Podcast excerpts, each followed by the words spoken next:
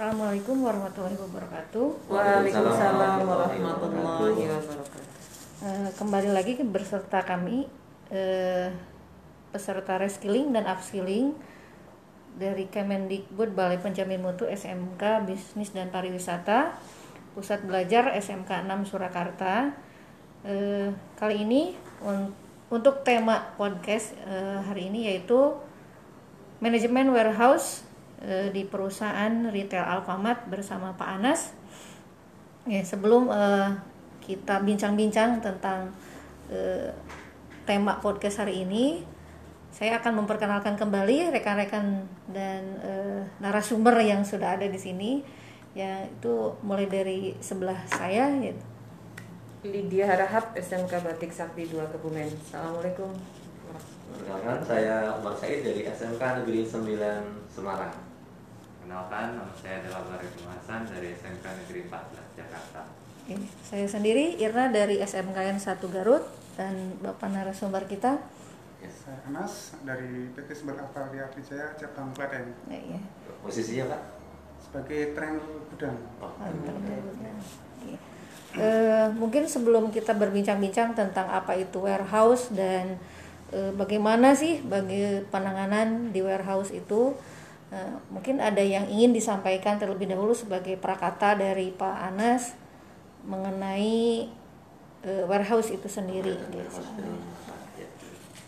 Oke, selamat pagi. Assalamualaikum warahmatullahi wabarakatuh. Waalaikumsalam warahmatullahi wabarakatuh. Di sebuah bisnis retail ya, terutama uh, retail yang modern. Jadi keberadaan yang namanya warehouse atau logistik pusat logistik itu akan uh, sangat berperan sangat penting ya, karena di situ adalah pusat pengendali atas stok yang ada di toko. Jadi ketika toko ada penjualan pastinya juga akan larinya ke warehouse. Jadi sebagai pengelola ketersediaan barang untuk didistribusikan ke outlet-outlet atau ke toko-tokonya Alfamart.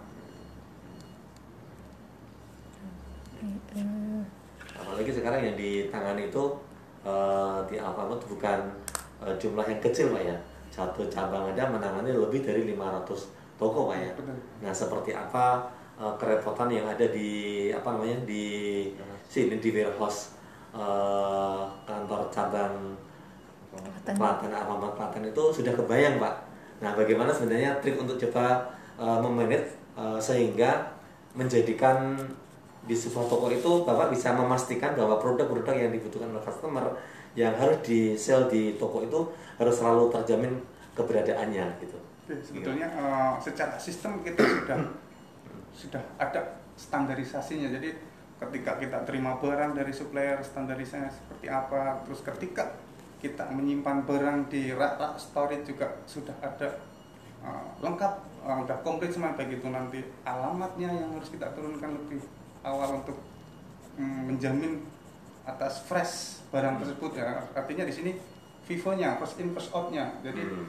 terus ketika barang akan disiapkan ke toko pun juga sudah ada standarisasinya dengan sistem penguncinya jadi terus ketika barang akan kita kirim ke toko demikian juga sama eh, ketika barang balik dari toko perlakuannya seperti apa itu juga udah udah ada standarisasinya dan secara sistem jadi eh, saya kira untuk repot ya dibilang repot ya repot tapi karena kita berpatokan pada sistem kalau kita ngikutin alurnya ya harusnya tidak ada kendala Oh, berarti semuanya sudah eh, terdigitalisasi gitu ya? betul dan Oke. sudah terplan pak Oh, itu mulai tahun tahun kapan Pak semua sudah terdi apa digitalisasi kan mungkin awal-awalnya tidak seperti ini kan Pak? Eh, Kebetulan untuk cabang Klaten ini adalah cabang yang sudah mengaplikasi sistem Hmm. yang terupdate ya. Jadi ketika cabang Klaten buka di tahun 2010 itu sudah mm, dengan adanya menggunakan sistem enhance. Jadi semuanya sudah serba digitalisasi dan terplan. Jadi Oh, antara jam sekian misalnya ketika pagi hari apa yang harus dilakukan oleh teman-teman di bagian admin ISWE dia harus tarik data atas penjualan di toko yang kita punya terus setelah itu nanti di jam 5 dia akan lempar nih barang-barang yang harus kita siapkan. Terus admin shipping dia jam 6 harus segera uh, buka loket untuk penerimaan barang. Mm, jam 10 dia harus sudah selesai clear untuk penerimaan barangnya. Setelah itu dia akan input akan di SO juga oleh uh, bagian progres SO atas barang-barang yang datang hari ini. Hmm. disimpan di rak storage dan itu nanti akan terbaca uh, di hari berikutnya untuk ketersediaan stoknya kita. Jadi di penyiapannya pun juga harus harus runtut. Jadi jam 9 dia harus mulai start penca- uh, pencariannya. Hmm. Supaya kenapa? Supaya supaya semuanya lancar ketika di satu bagian terkendala satu jam pasti ya akan berpengaruh ke bagian-bagian lainnya karena secara secara sistem mudah terjadwal. Hmm. Kalau boleh dirinci Pak, mungkin eh, dari ceritanya tadi SOP mulai dari barang masuk sampai barang itu keluar, aktivitas apa saja yang ada di situ, eh, sehingga mungkin kami akan bisa lebih paham bahwa oh pertama kali harus cek eh, penurunan barang dari supplier dan seterusnya. Gimana Pak? Jadi uh, pagi hari ketika uh, Pertama barang ya? uh, pertamanya ketika Hmm. barang masuk ke Alfamart era satu supplier harus mendaftarkan ke bagian admin untuk Hmm. nomor urut atau nomor antrian bongkaran. Jadi Oh, setelah dia mendaftarkan nanti akan dipanggil satu persatu supplier tersebut dan tentunya juga harus diverifikasi antara PO dan faktur yang dibawa oleh supplier apakah ada selisih harga. oh, Yang pasti itu satu dulu, terus setelah dicek antara nominal faktur sesuai dengan harganya atau dis, ada apakah ada diskon atau enggak, Hmm. itu nanti akan diserahkan ke fisik. Hmm. Jadi teman-teman receiving bagian fisik dia akan mengambil sesuai dengan antriannya. Setelah itu dibongkar, teman-teman yang di bagian receiving memastikan nih apakah barang yang kita order itu sesuai dengan PO-nya kita. Baik itu quantity, jenis, dan expirednya Hmm. karena di secara sistem kita ketika terima barang harus melakukan input expired. Oh, sampai Jadi- di expirednya sekalian juga Pak ya? Iya. Oh. Jadi ketika kita kemarin terima expirednya misalnya di bulan Januari, Hmm. kok hari ini supplier datang bawa dengan expired bulan Desember ya kita tolak karena. Oh, terakhir gitu ya. kita input secara sistem itu adalah di bulan Januari. Januari. gitu. Oh, oke, oke. Terus setelah dicek oleh teman-teman bagian resipi itu nanti ada yang namanya teman-teman bagian cross check atau LPB progress jadi masukin ke progress itu dia akan memastikan nih atas hasil pengecekan teman-teman bagian resipi dipastikan dengan menggunakan PDA Hmm. secara komputerisasi jadi itu nanti kita tinggal melakukan scan, Scan. uh, barcode-nya nanti akan di situ akan akan muncul nih atas nomor faktur apa nomor PO berapa fakturnya berapa itu teman-teman bagian LPB akan memastikan menghitung ulang kembali. Kuantitinya dan Oke. expirednya setelah selesai baru nanti akan disimpan untuk ke rak storage Hmm.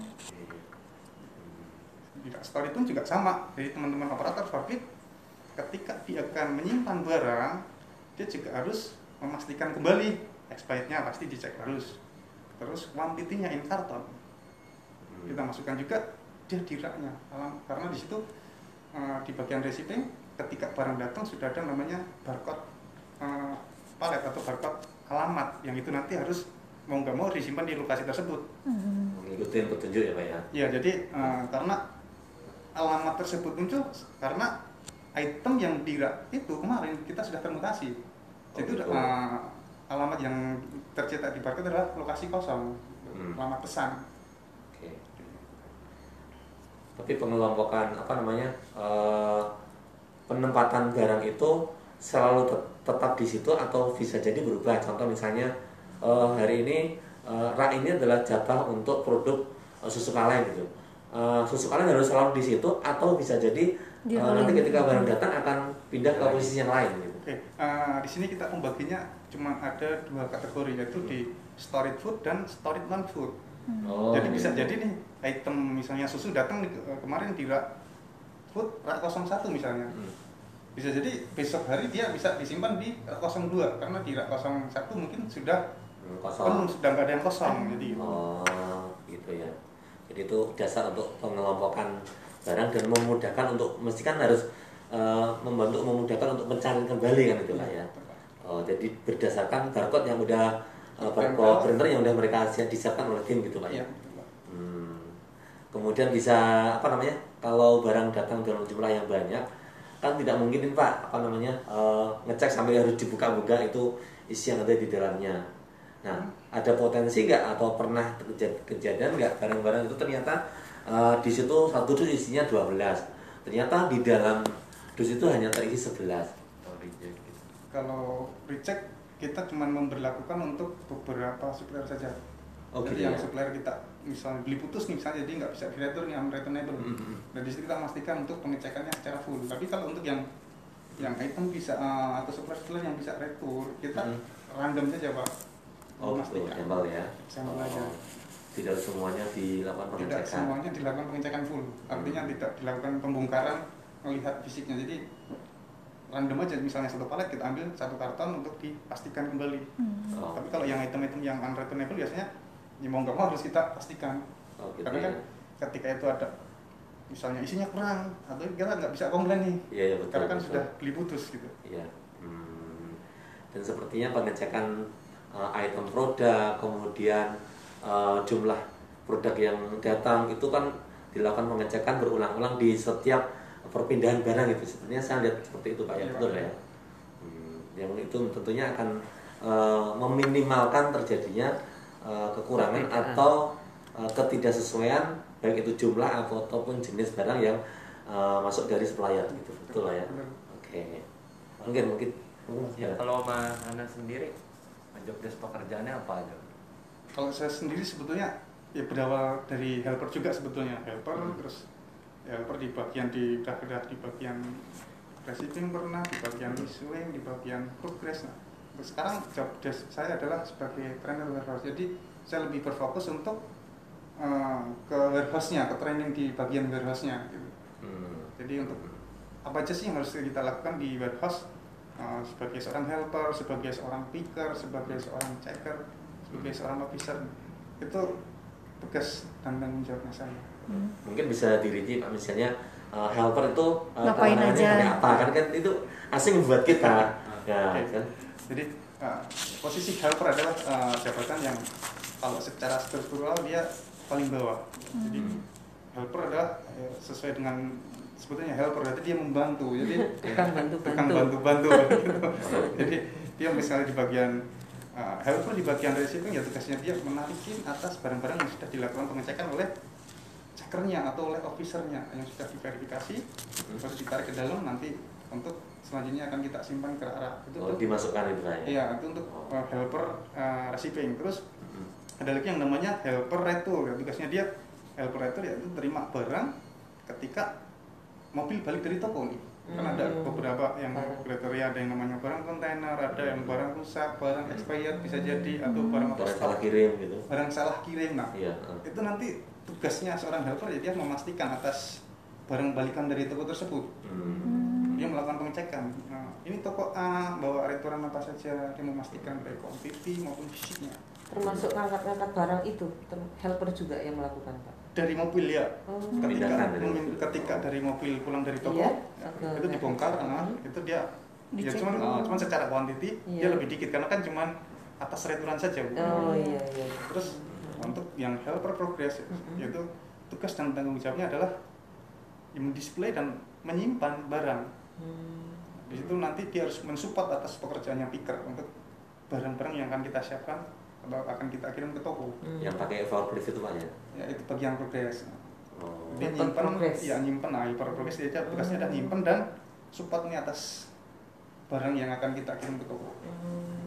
terus helper issuing ya atau helper loading berarti ya tugas dan tanggung jawabnya adalah muat barang setelah Hmm. dilakukan pencarian oleh tim picker Hmm. Barang akan dikelompokkan per toko dan Hmm. itu nanti akan dimuat ke dalam mobil untuk selanjutnya kita kirim ke toko-toko Yang di lantai dua kemarin itu Pak. di bawah pak itu kemarin Oh, adanya iya. di pojok di eh, di pintu 15 sampai dengan pintu 28 Yang di lantai dua itu kemarin picker itu, Oh, di, picker ya? di, di lantai dua itu isinya ada picker dan helper progress Hmm.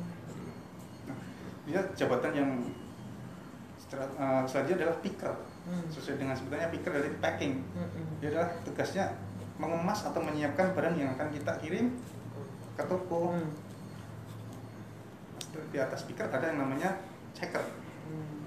tugas dan tanggung jawabnya checker ya dengan checker mengecek atau memastikan dan karena dia sudah levelnya level atasan dia membawahi seorang um, membawahi beberapa orang picker dan helper ya tugasnya dia akan mempertanggungjawabkan dan memantau atau mengecek nih atas hasil pekerjaan level di bawahnya Hmm. oh, memastikan lah ya pastikan jadi ada kendala apa sih kemarin eh, termasuk ketika pagi hari sebelum kita aktivitas kerja ada briefing pagi dia menyampaikan nih atas permasalahan atau kendala-kendala yang kemarin terjadi kalau misalnya di cekernya di warehouse eh, atau cekernya di picker ya menginformasikan ya kemarin ada kendala nih apakah ada barang-barang kurang atau barang Hmm. tidak ada atau salah barang Hmm. Kemarin di Yuna mana saja atau di bagian mana saja nih di picker nih yang gede dia akan menginformasikan sekaligus mengevaluasi. Hmm. dia setelah di atasnya checker ada posisi jabatan yang namanya officer. Dia adalah asistennya koordinator atau supervisor. Dia, dia pastinya juga membawai ada di situ bawahnya ada checker ada picker dan ada helper juga. Berarti bertambah juga anak buahnya dan bertambah juga, iya, bertambah iya. juga tugas dan tanggung jawabnya jawab. jadi dia Mm-mm. nggak monoton hanya di satu bagian saja dia bisa Hmm. incas kalau misalnya di bagian uh, officer bagian gudang atau di bagian retur ya dia bisa incas untuk ke bagian receiving incas di bagian issuing Hmm. jadi sebagai penghubung lah karena pasti di lapangan pun juga antara saling berkaitan jadi Hmm. antara progres dan picker pasti juga berkaitan jadi uh, sekaligus uh, sebagai pembelajaran ketika menjadi seorang koordinator Terus sekarang lanjut ke proses pengiriman masuk ke pengiriman nih Pak. Ini eh, cabang Klaten ini kan punya membawai lebih dari 500 toko ini Pak. 544. Yang hampir setiap hari kan mesti ada pengiriman ke toko. Nah, pedoman pengiriman itu harus dilakukan setiap hari atau eh, berpedoman pada Permintaan. konsep seperti apa gitu Pak. Oke, untuk eh, dasar sebagai pengiriman kita ke toko adalah untuk yang saat ini berjalan adalah eh, berdasarkan sales toko masing-masing, Konsep.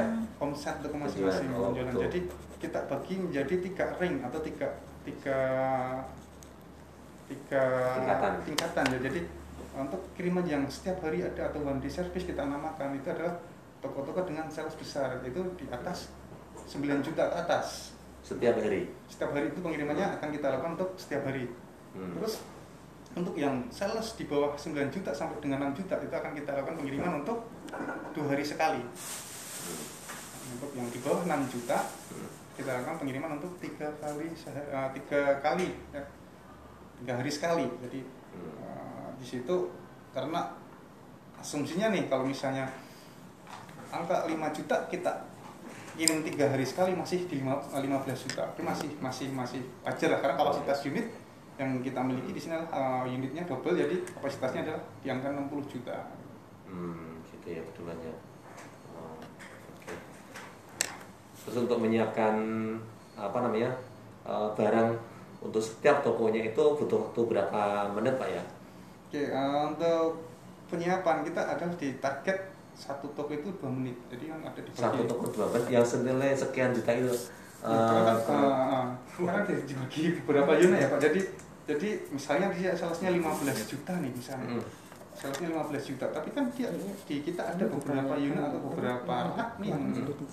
dia terfokus untuk misalnya satu rak dia punya 90 item.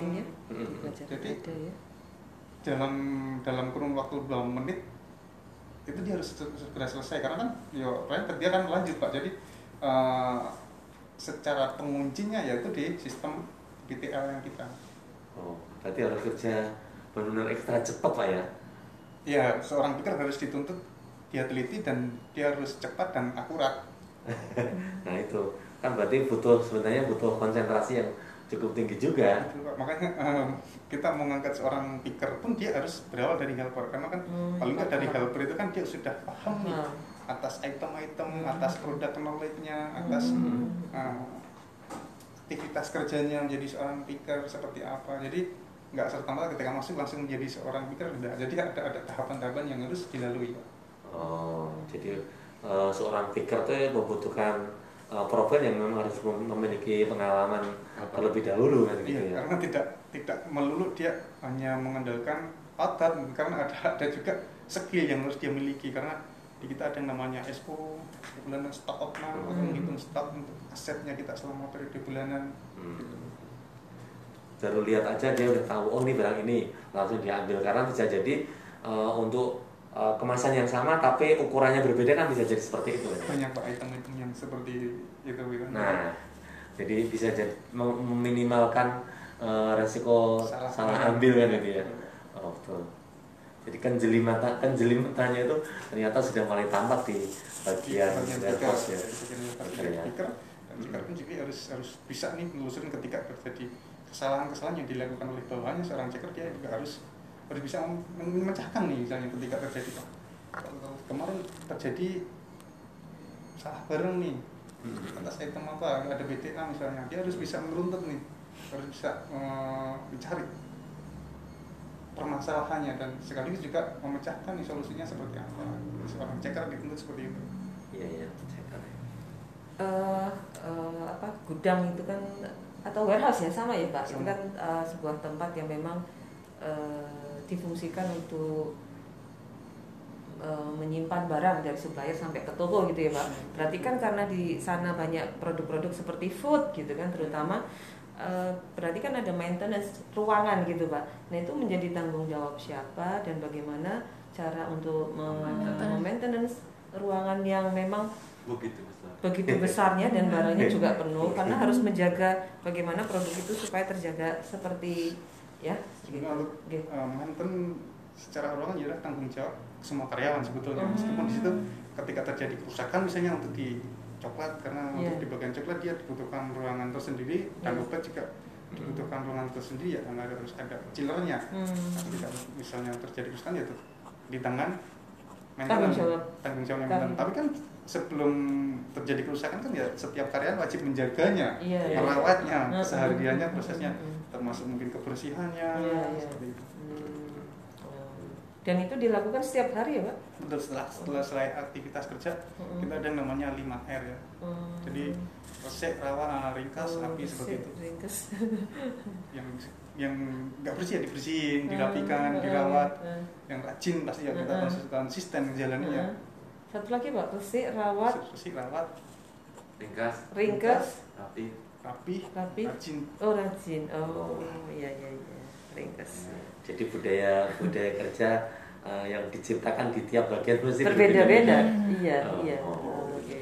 Ketika dia di bagian retur ya, ya pastinya kalau retur kan barang-barangnya barang rusak ya, jadi ya, ya tetap harus ya tetap harus dibersihkan dan dirapikan kembali. Karena ketika besok supplier datang mau ngambil returan atas returan tersebut itu tinggal nyiapin dan kita, tinggal ngitung kuantitinya saja. Mm, mm, mm, mm, mm. Oke. Kalau yang ini Pak, tadi kan ada bagian warehouse itu ada helper, picker, sama checker itu maksimal atau ada ketentuan nggak karyawannya itu berapa orang gitu? Jadi secara MPP kita sudah diatur, jadi main power planning kita sudah dari logistik sudah ada rambu-rambunya. Jadi untuk angka helper harus di angka sekian, untuk posisi picker harus di angka sekian, untuk level checker harus di angka sekian, untuk officer harus di angka sekian, koordinator termasuk sampai dengan manajernya gitu. Itu sudah sudah ada pembaginya. Gitu. Hmm. Itu pun juga tergantung dari banyak toko yang dia cover. Jadi Hmm. masing-masing cabang yang di Alfamart ini beda-beda kan mungkin kalau yang cabang yang masih kecil atau cabang yang tokonya sedikit bisa jadi secara MPP dia akan lebih kecil. Hmm. Terus kalau untuk yang eh, perputaran atau ada kan ada tadi kata bapak ada SO ya, Iya. Eh, berapa minggu sekali atau berapa hari sekali nih pak mungkin eh, melakukan stok openingnya? Untuk stok opnam kita lakukan periode per bulan bu ya. Jadi setiap Oh. bulan itu kita ada, akan ada yang namanya stok opnam ya. Nah, bisa di pertengahan bulan, bisa di awal bulan, atau bisa di akhir bulan. Tapi kalau yang kita jalanin yang di cabang Klaten kita ngambil yang di pertengahan. Jadi pertengahan bulan kita melakukan SO, uh, aktivitas penerimaan barang dari luar ya kita hentikan atau kita hold selama satu hari. Bisa bisa kita ambil atas jadwal kedatangan supplier di hari ketika kita melakukan SO itu bisa kita ambil maju atau bisa kita ambil mundur. Hmm. Jadi tujuannya supaya tidak terjadi kekosongan nih ketika setelah selesai SO barang kita banyak yang kosong. Makanya Hmm. kita ambil di depan biasanya yang atas uh, item-item yang sudah stoknya kita menipis biasanya kita ajukan nih sebenarnya untuk kedatangannya. Oh, diprioritaskan itu lah ya. Betul, jadi kita ajukan jadi misalnya kita SP-nya di hari Selasa, hari Senin kita sudah bisa datangkan untuk supplier-supplier yang stoknya kita sekiranya mengkhawatirkan nih Hmm. Jadi tidak istilahnya walaupun istilahnya itu per eh, di setiap bulannya itu di pertengahan bulan nih. Tapi kalau misalkan tidak ada apa ya. Jadi rutin pokoknya setiap bulan itu lakukan SO, gitu. Setiap Iya. bulan kita pertengahan bulan Kalau untuk yang ini nih Pak, yang karyawannya nih, kalau yang bagian helper, terus eh, picker, checker kemarin kita tuh lihat bagian picker ya Bu ya. Hmm. Ada yang istilahnya mereka tuh tidak ada kalau ini secara ininya di pelajaran tuh di K3-nya nih Pak. Pengamanan bagi mereka gimana nih Pak? Kayak kemarin itu ya sih kalau kita lihat itu hanya menggunakan helm atau apa ya Bu? Ada yang helm atau enggak? Ya, ada sih yang di mobil itu Yang- ada yang helm, tidak digunakan karena jadi untuk untuk untuk perlengkapan K3-nya kita eh, lebih ke progresnya. Jadi kayak yang operator forklift dia harus wajib menggunakan helm, rompi, itu. terus operator palet mover yang kemarin jalan sendiri itu palet eh, itu dia harus harus wajib menggunakan alat keselamatan kerja terus Iya. helm dan rompi sebagai penanda. Rompi itu buat apa pak? Penanda saja bahwa dia dia, dia adalah orang yang fokus untuk pegang forklift, untuk pegang Hmm. mover jadi selain orang-orang lain ya nggak boleh boleh. karena Iya. usernya usernya dia yang punya gitu dan satu orang bertanggung jawab terhadap satu alat iya satu alat kerja Oh. tersebut makanya Hmm. untuk uh, yang bagian lain misalnya yang di bawah kita kan ada di bagian receiving di bagian Hmm. loading kan di bawah dia nggak menggunakan uh, K3 jadi K3 lebih kita fokuskan untuk ke progresnya karena dia yang berkaitan dengan nyimpen nyimpen barang Iya. ngadepin barang seperti itu. Tapi kalau mungkin yang untuk kayak sepatu, terus ada yang bagian di picker itu kan istilahnya dia kecepatannya kan diperhitungkan gitu ya Pak, kecepatan dia packing barangnya itu kan. Nah di situ kemarin kita lihat eh, apa pakai sarung tangan, pakai sepatu atau apa gitu ya. Itu nggak ada itu Pak. kalau sarung tangan sih nggak ada bu jadi jadi karena ya se- secara barang secara ini kan dia uh, in piece man, jadi kan masih masih bisa terhandle lah Iya. food dan non food juga Ya, bukan ini. produk yang berbahaya juga mungkin tidak ada resiko masih, masih aman lah untuk Aman, keselamatan iya. jadi Mm, mm, mm, mm. Tapi kalau mungkin yang sepatu mah wajib ya Pak menggunakan sepatu. kalau sepatu ya sepatu kita masih standar penggunanya Hmm. kayak sepatu yang sepatu alat kerja itu kan sepatu standar untuk yang perusahaan Oh, misalnya safety, kita yang ya sepatu safety, safety gitu sepatu safety kayak Oh, di iya. produksi itu enggak yang lebih lebih ke Mm, mm. sepatu-sepatu harian aja sih bu Iya, iya. Ya maksudnya kan nggak seperti istilahnya orang yang pakai doang itu. sendal jepit bah biasa gitu kan enggak enggak Kalau- juga kan Eh, kalau gitu. sendal jepit sih itu kita khususkan untuk teman-teman yang megang di unit obat jadi kan harus steril nih Oh, dia iya. memang di ruang kerjanya dia ber AC dan uh, dia harus copot sendal seperti kita kan sih. belum lihat ke sana belum ya. lihat ya. Lihat kemarin ya. Ah, ah, iya. Terus keberadaan fungsi warehouse sebenarnya kalau di perusahaan retail kan hanya se- eh, fungsinya hanya sebagai transit aja ya pak. Nah eh, berapa lama maksimal barang itu harus eh, berada di warehouse untuk eh, perusahaan retail yang ada di Alfamart seperti ini pak. kalau angka maksimal sih ini ada enggak ada jadi intinya uh, semakin cepat barang itu intinya kan Keluar. kalau bisa nih yang secara secara secara bisnis ya jangan sampai barang ini ngendam di gudang jadi Iya. datang habis datang habis secara secara secara Iya, bisnisnya secara harus seperti itu jadi Tingkat perputarannya harus ya Cepat, tingkat ya. perputaran harus cepat jadi Hmm. makanya di kita ada yang namanya sistem penguncinya untuk melakukan input expired date dan kedatangan tanggal kedatangan Hmm. ketujuhnya itu adalah nanti barang eh, selama tiga bulan nggak gerak-gerak nih Hmm. Apakah itu barang memang kemarin secara mutasi kita ngambil nyalin aturan nih Hmm. harusnya barang itu secara mutasi turun tapi kita ngambil yang enak aja nih operator forkliftnya misalnya Hmm. wah kalau itu harus di paling pojok nih mendingan di depan saya udah ada kita ngambil yang depan nah itu ada, ada pengontrolan jadi barang yang selama tiga bulan tidak bergerak di situ akan terbaca Hmm. Oh gitu ya. Kan memang eh, tingkat eh, apa namanya expired tiap barang itu kan mesti berbeda-beda. Eh, bisa jadi kalau sampai nunggu sampai tiga bulan jangan-jangan benar-benar expired di gudang ini. Iya. Nah pernah ada kasus yang seperti itu nggak? Kalau sem- sampai sejauh ini alhamdulillah ada ya? Klaten belum belum pernah ada pak jadi Oh. eh, kita lebih ke karena itu tadi penekanan kita eh, teman-teman operator forklift untuk selalu melakukan penginputan expirednya terus Hmm.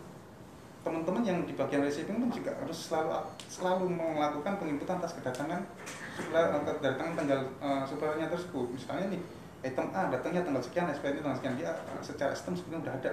Hmm. Kemudian dia harus melakukan penginputan. Hmm.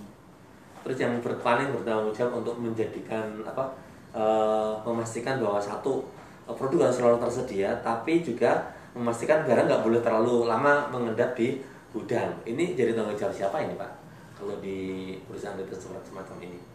Itu lebih tanggung ke adminnya karena sebagai kontrol atau sebagai jantungnya itu udah di admin. Jadi Admin ad- receiving admin receiving at- Oh. ataupun admin issuing. Kalau admin receiving tugasnya datangkan barang, Ya. kalau admin receiving adalah tugasnya mengalokasikan barang. Oh. Makanya ketika di pagi hari dia masuk paling awal nih jam 3 pagi, Hah, dia jam harus iya betul masuk jam 3 pagi dia harus tarik data, bongkar data atas barang yang sudah terjual di toko-toko kita, di hotel-hotelnya kita, dikompar dengan ketersediaan barang yang ada di gudang. Setelah itu nanti akan muncul nih akan dilempar ke PTL yang kemarin nyala-nyala itu. Oh, Iya, iya, Nah, iya, iya. itu adalah proses atas hasil lemparan dan atas comparan data dari admin dan lemparan data dari toko. Hmm. Selama stoknya kita masih ada, itu akan muncul permintaan. Lalu ketika stoknya kita sudah tidak mencukupi, itu nanti akan muncul yang namanya utang BB atau utang utang stok nih. Hmm. Jadi tugasnya admin receiving itu nanti dia akan menjadi kesepelanya untuk mendatangkan barangnya. Hmm. Kalau barang-barang yang eh, didatangkan dalam jumlah yang banyak dan produsennya atau suppliernya itu tidak ada di wilayah terdekat dengan eh, apa namanya gudang warehouse, maka sebenarnya kan butuh waktu juga kan Pak antara ketika harus mengajukan PO eh, apa namanya, proses order kemudian menunggu sampai itu barang eh, benar-benar datang di tempat kemudian mendistribusikan itu sebenarnya kan butuh waktu juga. Nah, pengaturan tentang eh, jadwal kedatangan barang, memastikan bahwa barang terse- telah tersedia ketika diperlukan. Ini kan butuh perencanaan yang yang matang ya. Nah, ini eh, juga tanggung jawab di warehouse atau ada di bagian lain itu. Nah, untuk pengaturan masalah lighting kalau kita bilang uh, jadwal kunjungnya supplier itu Mm. Itu sudah ke ranahnya MD ya. Cuman Oh, MD. MD kan kita kan ada yang namanya supplier lokal dan prinsipal nih yang luar kota kalau misalnya Iya, kita betul, betul. un- untuk item-item atau produk-produk yang gede biasanya kita langsung ngambil ke prinsipalnya langsung misalnya Unilever, Hmm, hmm. Nestle kayak gitu atau PNG. Nah, kita ngambil langsung ke uh, prinsipalnya jadi direct langsung ke pabriknya. Jadi uh, kapasitasnya kita harus ngerti ada kapasitas maksimum nih misalnya mau- maksimalnya misalnya baru satu kontainer atau satu tronton atau satu truk.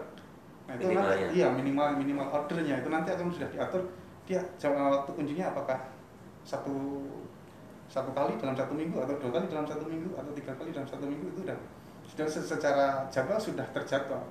Dan itu udah dari HU yang udah udah menjadwalkan nih untuk uh, kunjungan supplier tersebut. Berarti berbasis eh, data hasil penjualan eh, bulan-bulan yang lalu menjadi prediksi untuk coba eh, melakukan order.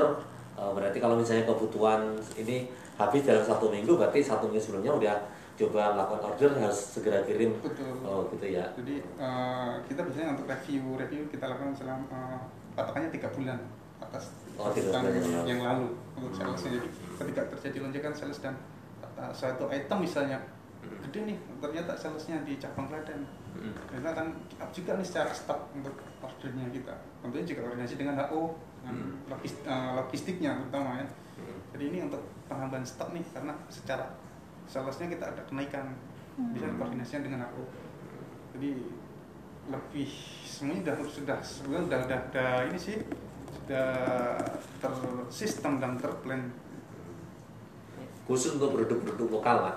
Ya untuk produk-produk lokal itu eh, jumlah jumlah orderan kepada apa ini dibatasi nggak minimalnya ada berapa? Kalau bisa mau sebulan produk lokal nih kamu harus masuk sekian apa namanya sekian kilo atau satu sekian kontainer gitu kalau untuk yang maksudnya di sini produknya UMKM atau UMKM betul Kalau penyerapan UMKM sebetulnya sih Cuman lebih 20 ke salesnya aja sih pak. 60 Pak. Oh, gitu. 50. Jadi kalau salesnya 60 kita berapa? kuat nanti. Tapi tetap mungkin dari MD dari ini juga ada hitung-hitungnya nih harus kuat secara kuota nih ada ada toko kita yang main berapa toko yang tidak main berapa toko seperti itu. Hmm, gitu ya Dan konversinya sudah langsung di MD ketika dia niku pertama kali mau masukin sebuah produk. Hmm. oke mungkin Ya, itu eh, ini Pak, kalau tadi kita sudah dijelaskan tentang bagaimana perputaran barang gitu Pak. Ya. Sekarang kan ada juga di kompetensi kami itu administrasi gitu kan administrasi gudang nah, kita kira-kira dokumen-dokumen apa yang beredar di warehouse ini pak kalau tadi sudah disebutkan ada PO ada faktur mungkin ya mungkin ada yang lain lagi gitu untuk yang di admin ya pastinya faktur itu uh, Iya, pastilah ya. iya, iya. Itu baik itu di admin receiving ataupun di admin issuing tetap Iya. itu adalah uh, sebagai filing ya. ya, ya. Terus yang namanya uh, tanda terima bisa tanda Hmm. terima ketika misalnya tanda terima dari suppliernya ketika kita uh, menyerahkan nih retur supplier ada ada yang namanya uh, N nota apa ya nota barang ya nota barang serah terima barang Iya, gitu. iya. Jadi ada juga si filing-filing tersebut. dan itu dibuat rangkap semuanya ya pak ya Ya kita filing lengkap jadi buat suppliernya ya buat di adminnya ya. juga ada filingnya ketika nanti terjadi permasalahan kita menelusurnya gampang. Oh, Jadi iya, iya. untuk pemusnahannya pun kita selama enam bulan masih ditahan di admin sebelum nanti kita kumpulkan untuk di gudang arsip gitu. Selama enam bulan masih kita tahan nih. Jadi ketika ada komplain dari supplier ini atas eh, NR tanggal sekian Mm-mm. dan sekian, ya kita telusuri lagi untuk arsipnya di kita. Selama enam bulan kan masih kita simpan nih. iya iya Sebelum iya. kita pindahkan untuk ke gudang arsip. oh, Jadi iya. setelah periode enam bulan baru nih kita masukkan ke gudang arsip. Hmm. Di bidang arsip bertahan sampai berapa tahun tuh?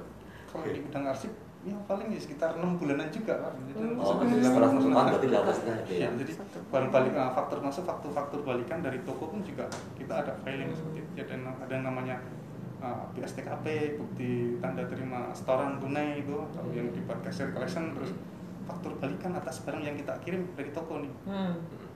Sekarang sih sudah lebih banyak kita menggunakan uh, PDA. Jadi secara ini kita udah menghematnya untuk kertas. iya ya. iya Iya. Jadi tinggal tinggal di bagian receiving aja yang banyak Iya. menggunakan kertas gitu. Hmm. Kalau di admin isunya sih secara faktur kita kirim ke toko pun dia- kita sudah menggunakan yang namanya PDA itu. Jadi di toko tinggal memastikan scan-scan kayak yang Iya, kemarin cepet.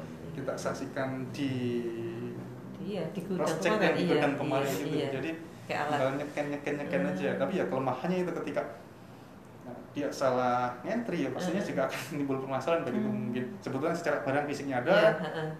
ada muncul uh, nota retur seperti itu Hmm. SCI kah atau BTA kah seperti itu Oke, Pak Umar, Ya. saya rasa cukup. Iya. Mm-mm.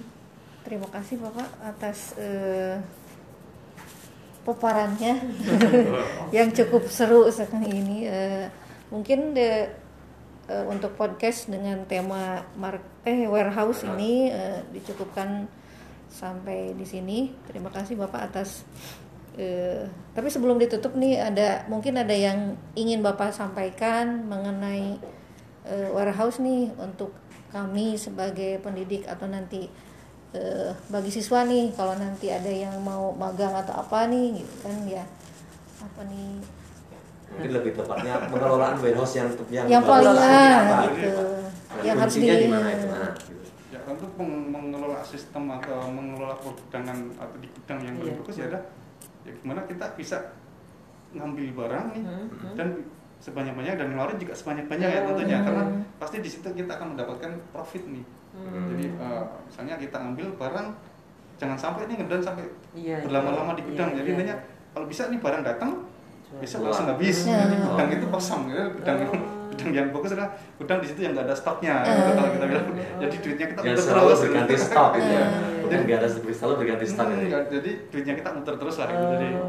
jadi itu ada uh, se- sebuah gudang yang bagus ya seperti itu Oh. Gudang yang bagus itu malah gudang yang bersih. Gudang yang bersih. gudang yang bagus, gudang yang gudang yang nggak ada Iya. stok ya nggak ada stok ya begitu datang dari supplier Langsung Langsung pergi langsung Oh, jadi kan iya, iya. Uh, barang-barang tersebut ya, promo Laku. atau mungkin diskonnya Iya, ya iya, gitu. Iya. Oke. Oke. Menjadi situ. Iya. Jadi gudang yang bagus itu bukan gudang yang selalu penuh oh ya dengan tumpukan Iya, bukan, bukan, bukan bukan. yang tingkat perputarannya cepat Tinggi. ya, Iya. ya. Oke, oke. Oke, untuk eh, kegiatan podcast hari ini kami cukupkan eh, sekian. Eh, terima kasih Bapak atas eh, kesempatannya. Eh, sampai ketemu lagi dengan podcast kita yang selanjutnya. Eh, wassalamualaikum warahmatullahi wabarakatuh. Waalaikumsalam warahmatullahi wabarakatuh.